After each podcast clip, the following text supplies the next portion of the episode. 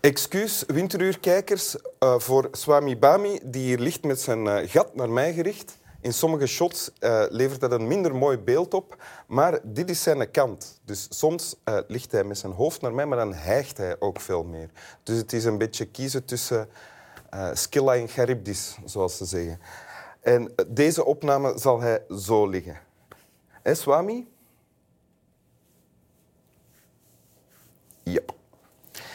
Mijn gast van vandaag, welkom in Winteruur, is Angelique van Ombergen. Uh, je bent 30 jaar oud? Ja. ja. Ik denk dat er heel weinig mensen zijn van 30 jaar oud die al zoveel hebben gepresteerd als jij.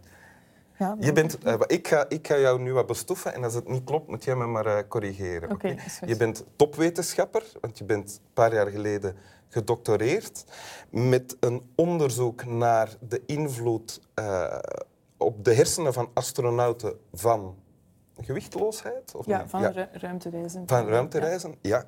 En dat onderzoek was blijkbaar zo indrukwekkend dat je daar ook al allemaal prijzen voor gekregen hebt. Ja, klopt.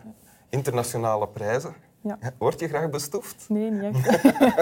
Achteraf is dat leuk. Achteraf denk je, ah, dat is op het moment zelf is dat wat gênant. Bovendien heb je over dat onderzoek en ander onderzoek dat je hebt gedaan ook al twee uh, kinderboeken geschreven. Ja, niet specifiek over het onderzoek, maar breder over de, de, de thema's in het algemeen. Over de thema's. De thema's, namelijk wat gebeurt er uh, met ons evenwichtsorgaan en met onze hersenen? Ja, de hersenen specifiek uh, en dan uh, ruimtevaart in het algemeen ook. Ja. Dus, ja.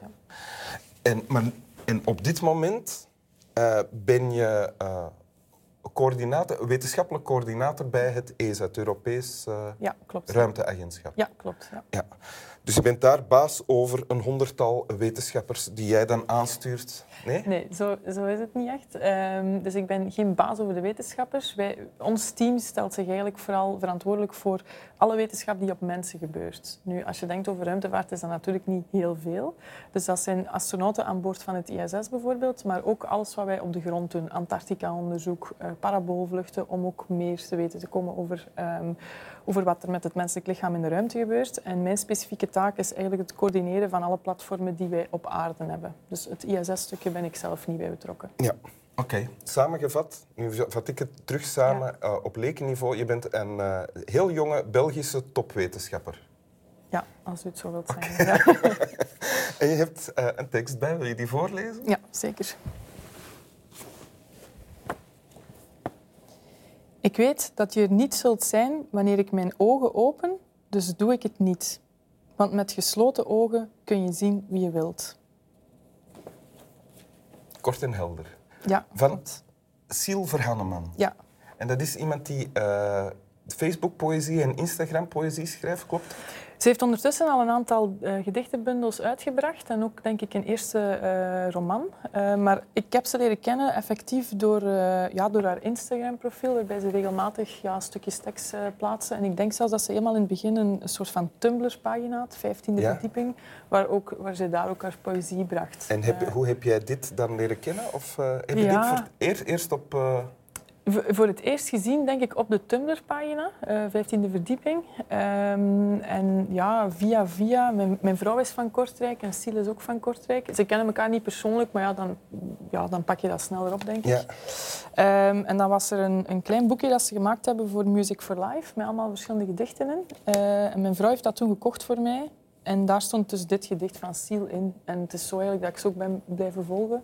Uh, omdat dat, ja, dat gedicht dat sprak enorm tot mij. En, Want uh, wat, wat, wat, wordt er gezegd in het gedicht? Ja, ik, ah ja, natuurlijk, Siel is iemand die heel veel over uh, rouw in haar teksten schrijft. Ik zei het, ik ken haar niet persoonlijk, dus ik moet haar teksten niet gaan interpreteren. Maar je, je merkt dat dat verlies en rouw is iets wat heel vaak terugkomt. Ja. Um, en dat was op een, allee, toen ik dit boekje kreeg, was dat ook op een moment dat ik um, zelf iemand verloren had. Mijn grootmoeder was uh, het jaar ervoor gestorven. Ja. Wat voor mij een enorme impact had. En ik vond die tekst... Want je ik... had een heel goede band met je grootmoeder. Ja, ik heb uh, als kind heel lang bij mijn grootouders gewoond. Allee, ze hebben mij ook opgevoed. Dus allee, voor mij mijn grootmoeder verliezen was... Ook je moeder verliezen? Ja, allee, ah, ja. ik kom, kom, heel goed met mijn mama ook overeen. Maar zij is ook wel een, mijn grootmoeder was ook wel een, een belangrijke persoon in mijn leven. Dus ook al was ze al lang ziek en was dat wel te verwachten dat dat ging komen. En ergens is dat ook logisch dat je als kleindochter je grootmoeder op een bepaald moment gaat verliezen. Maar dat kwam wel enorm binnen. En ik weet niet waarom, maar die tekst, ik las die en dat was direct zo van, ah ja, En ik heb dat altijd zo... Allee, ik grijp daar ook altijd naar terug als ik... ehm, als ik iemand anders verlies, de voorbije jaren jammer genoeg al wat mensen verloren. En dat is echt zoiets voor mij dat direct ja, naar boven komt. Ik weet niet, maar het is Wat, wat gebeurt er dan? Je zegt, ik lees dat en dan is er AJA. Wat, wat is dat dan, die AJA? Wat gebeurt Ja, er? dat, vooral dat laatste stukje. Hè, want met gesloten ogen kun je zien wie je wilt. Ik vind dat zo krachtig, omdat ja, rouw en verlies is iets wat je... Je hebt daar heel weinig controle over. Dat is iets dat overkomt u en je wordt daardoor weggespoeld op een manier die je op voorhand heel moeilijk kunt inschatten. Dat doet pijn langs alle kanten, dat doet fysiek pijn. En dat, ja, dat is echt een, een soort van wonde die je achterlaat. En ik vind dat een enorm krachtig iets, dat je toch de controle kan hebben door gewoon even je ogen dicht te doen, even gewoon in je kokonnetje te kruipen en even Dat te doe je denken... dan ook letterlijk? Ja, dat doe ik Ja? echt letterlijk Ja. aan. En te denken dat die persoon er wel nog is. En dat is voor mij een heel belangrijk eh, stuk ook van, van een rouwproces. Je hebt zo altijd de acute fase. Dat is zo die fase dat even alles op je afkomt en, en dat je zo, ja, zo die eerste rauwe pijn zo. Maar het is vooral dat, dat stuk daarna Ja? dat, dat het moeilijkste is om, om dat een plaats te geven. En dat is iets wat voor mij enorm hard helpt om zo op bepaalde momenten mij even in mijn kokonnetje te zetten en het, de pijn en het verlies even toe te laten. En dan kan ik daarna ook perfect terug zeggen van oké, dit was het nu even en dat is goed en dan kan ik er weer even tegen. Oké, en de pijn en het verlies toelaten, dat doe je door je ogen te sluiten en, en uw grootmoeder dan in Ja, geval? echt zo. Soms kan dat ook zijn. en Ik doe mijn ogen aan dicht, ik leg me op mijn bed of zo, ik zet een mu muziekje op of zo. Dat voor mij dan... En dan weet ik echt voor mezelf, oké, nu ga ik het even heel lastig hebben. Zo. Ik, ik bereid me daar dan ook echt op voor. Van, Ja. Nu ga ik echt even ja, tranen met tuiten wenen en ik ga me echt even heel slecht voelen. Maar Ja. ik laat dat dan ook even toe. En dan daarna kan ik er weer even tegen. Zo. Ah ja. En dat, ja, ik weet niet waarom, maar dat, dat springt er voor mij enorm hard uit. Ehm, ik vind dat een heel krachtig iets. Dus dat is een gedicht dat je echt gebruikt dan ook? Hè? Ja, ja zeker wel. Ja, gebruik. Allee, bedoel, ja, zeker wel. En daarom ook, allee, dit is voor mij iets dat ik, sinds dat ik dit gelezen heb, is dat iets dat ik heel regelmatig aan terugdenk en zo. Dat, dat voor mij heel krachtig is. Ah ja. Eh, ja. Is, is, wa- waar, wij nu over praten, of waar jij nu over Ja. praat, is dat iets waar in wetenschappelijke kringen o- ook over gepraat wordt? Nee, absoluut Nee? niet. Nee, nee en als, als wetenschapper ben je, ben je meestal heel rationeel ingesteld. Ja. En ik denk dat dat ook zo'n beetje mijn manier is om er controle over te Ja, krijgen. dat de- woord heb je al een paar keer Ja, gebruikt. dat controle. is zo. Want ja, emoties is meestal niet iets waar je controle over hebt. Het is totaal niet rationeel. En dat Ja. is ook zo met, met rouw, net zoals dat, dat met liefde is of met eender wat. Ehm, en dat is voor mij zo soms heel moeilijk om te aanvaarden dat je geen controle hebt over iets. Ik, ik heb zo nogal graag alles gestructureerd en in categorieën en wetende wat ik... Allee, we- ik wil graag weten wat ik me kan verwachten. Maar ja, soms moet je gewoon aanvaarden dat dat niet zo is. En rouw is denk ik een van de sterkste...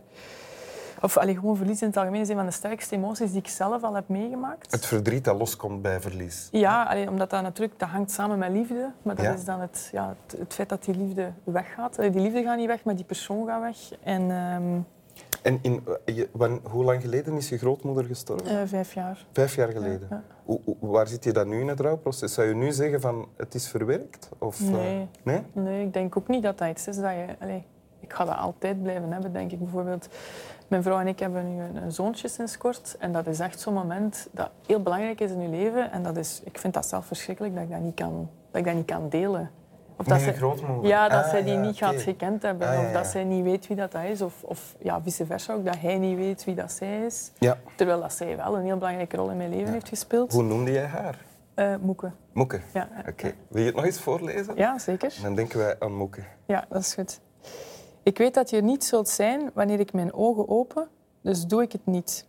Want met gesloten ogen kun je zien wie je wilt. Dank u wel. Slap wel. En dag Moeke. Slaap wel. Ja.